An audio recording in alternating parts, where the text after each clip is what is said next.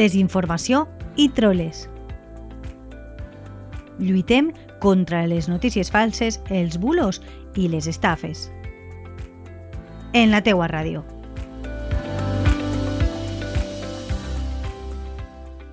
Hola, benvinguts un dia més al podcast Desinformació i troles de la teua ràdio. Cada dia són més les persones que contacten amb mi per explicar-me algunes estafes o bulos que li han arribat en els darrers dies.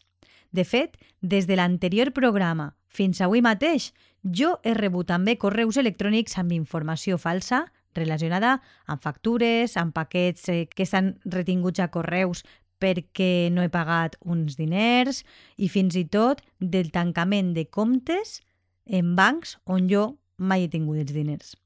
Això és un exemple real personal que m'ha ocorregut a mi mateixa, però aquests dies han intentat estafar també a seguidors i seguidores de la teua ràdio fent-los creure, per exemple, que havien guanyat uns premis, proposant-los fins i tot anar a sa casa a lliurar-li'ls. També els han enviat bulos diversos i notícies falses relacionades amb el terrible incendi que va passar fa uns dies, el passat dijous, a València. I és que la gent s'aprofita molt de la vulnerabilitat emocional per atraure profit i en aquest, en aquest cas estava clar que la gent està molt sensibilitzada en el que ha ocorregut a, a València i tantes persones que estan eh, passant mal i que ho han perdut tot.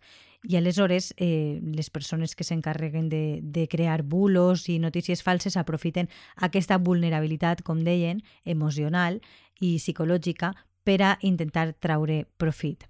Altres estafes més conegudes també els han arribat als nostres seguidors, com per exemple aquesta de, de WhatsApp, que ja hem comentat moltes voltes a la teua ràdio, que és quan el teu fill t'escriu un, un, un WhatsApp o un SMS dient que ha perdut el mòbil o que se li ha trencat i que necessita eh, que li envieu diners. Hi ha un enllaç i en, apretant aquell enllaç pots eh, enviar diners.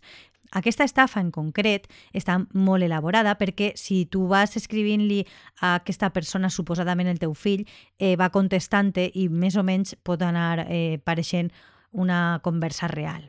Per això és important no fer cas d'això, no, no contestar mai o preguntar coses molt concretes que solament el teu familiar pot saber. Mai, mai, mai punxeu l'enllaç, val? Per això, com sempre dic jo, cal anar amb molt de compte perquè tothom està dins el sac de poder caure en la trampa, però les persones majors són un blanc típic i més fàcil per a aquesta gent, no? per a aquestes persones que volen traure un profit. Recordeu que mai heu de punxar un enllaç d'un missatge que us parega sospitós, ni donar mai dades personals ni per telèfon, ni per correu electrònic, ni fins i tot de manera presencial. I dit tot això, comencem amb l'assumpte que vos havia prometut avui, que està relacionat amb la identitat digital. La identitat digital es confronta amb la identitat real. Sempre que faig un, un taller d'alfabetització mediàtica, pregunto al meu alumnat quina és la identitat real. La identitat real és nosaltres mateixos, qui som nosaltres de veritat en la vida real, en el nostre dia a dia, qui posa en el nostre document nacional d'identitat. Aquesta és la identitat real d'una persona. Per contra, la identitat digital és una altra molt distinta, o pot ser molt distinta, i està relacionada amb l'ambient, amb el món digital. Val? La identitat digital no té una mirada, no té una veu, no nota el tacte. I és molt fàcil amagar-se darrere d'aquesta si no vols eh, que es tinga relació amb la identitat real. La identitat digital està formada per dades de l'usuari presents en el món 2.0, per eh, les dades que va posant, que va afegint en internet i les seues accions, com per exemple les opinions que puga posar en alguna pàgina web, eh, fotos, la navegació que fa, les pàgines que visita i també la identitat digital està formada per les publicacions que altres persones han fet d'aquesta persona concret, no? que han fet sobre ell. Una persona pot projectar una imatge digital molt diferent a la imatge real a través de moltes comunitats distintes. Moltes vegades no som conscients de que la imatge digital que estem projectant no és la que nosaltres volem projectar i que no té res a veure amb nosaltres mateixos. De vegades això es fa a propòsit i sí que les persones són conscients d'això. Però aquest joc o aquesta decisió pot semblar mm, trivial, pot semblar sense molta importància, però si ens parem a reflexionar, sí podria tenir importància en relació a decisions o la imatge que altres persones puguen tenir de nosaltres. Les àrees claus dins de la identitat digital eh, passen per la seguretat i per la privacitat. Hem de ser conscients de tot allò que pengem a les xarxes, a internet, perquè projectem nosaltres mateixos o altres persones una imatge concreta. El fet d'utilitzar filtres quan pengem fotografies a les xarxes socials o canviar una estètica d'unes fotos, retocar les nostres publicacions, això també formaria part de la imatge digital, val? de la identitat digital. Últimament ha cobrat molta importància en els últims anys la recerca d'ocupació, buscar eh, un treball, a través de les xarxes socials o a través de plataformes online, veritat? Segur que molts de vosaltres ho heu utilitzat alguna vegada. Doncs bé, hem de ser cuidadosos amb el que publiquem a les xarxes socials i les opinions que llancem al ciberespai, perquè pot tenir possibles conseqüències. Ja vos he dit abans que igual ens sembla un poc exagerat, però sí que és veritat que moltes vegades en, en ofertes de treball les persones que van a contractar, no? les, eh, les empreses, busquen a la persona que han d'entrevistar per al lloc de treball, la busquen eh, a les xarxes socials, busquen el seu perfil digital.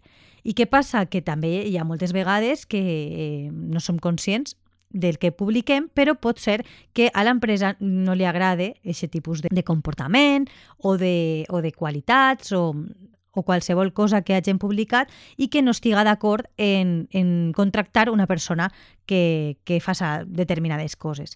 Per això hem de parar-nos a pensar si realment quan publiquem coses en internet o en les xarxes socials ens interessa projectar una imatge nostra distinta a la real, perquè al cap i a la fi nosaltres som el que som, no el que projectem a les, a les xarxes, no?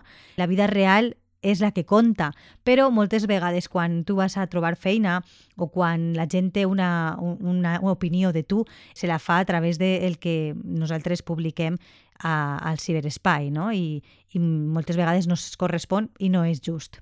Però de justícia no estem parlant, estem parlant d'identitat digital, que és diferent, no? També és important conèixer que al ciberespai, a les xarxes socials, a internet en general, hi ha molts trolls. Què són els trolls? Els trolls són usuaris que són difícils d'identificar perquè utilitzen perfils falsos. Moltes vegades tenen molts, diversos perfils. I boicotegen a altres usuaris des de l'anonimat o suplantant la identitat digital d'alguna altra persona, per, per, de, per tal de donar-li més credibilitat a les seues publicacions. Eh, més o menys això em va passar a, a, a mi, a, a la teua ràdio, eh, quan fa unes setmanes es, em van suplantar la identitat en la pàgina de Facebook i van intentar estafar a, als nostres seguidors. Afortunadament, ho van parar a temps i que jo sàpia, ninguna persona va picar en aquesta trampa, però hem de ser molt cuidadosos. Penseu vosaltres que projecteu la mateixa identitat o imatge digital i real? Sou conscients d'això? Us havíeu parat a pensar-ho? Potser siga ara un bon moment per a parar-nos a pensar quina imatge estem projectant i què és el que nosaltres som. I pensar en quin propòsit tenim, si efectivament ens agrada fer aquesta distinció i ser unes persones distintes no? o, o amb unes característiques diferents o potenciant unes característiques diferents a les xarxes que en la nostra vida real, o si per contra eh, ens agradaria més eh, ser la mateixa persona, no diguem, i projectar la mateixa imatge que en la vida real. Jo us llance aquesta qüestió, aquesta disjuntiva, i us espero en el pròxim capítol de Desinformació i Troles perquè ja sabeu que junts lluitem contra la desinformació. Us espero. Moltes gràcies per estar ahí i per compartir a les xarxes. Desinformació i troles. Lluitem contra les notícies falses, els bulos i les estafes. En la teua ràdio.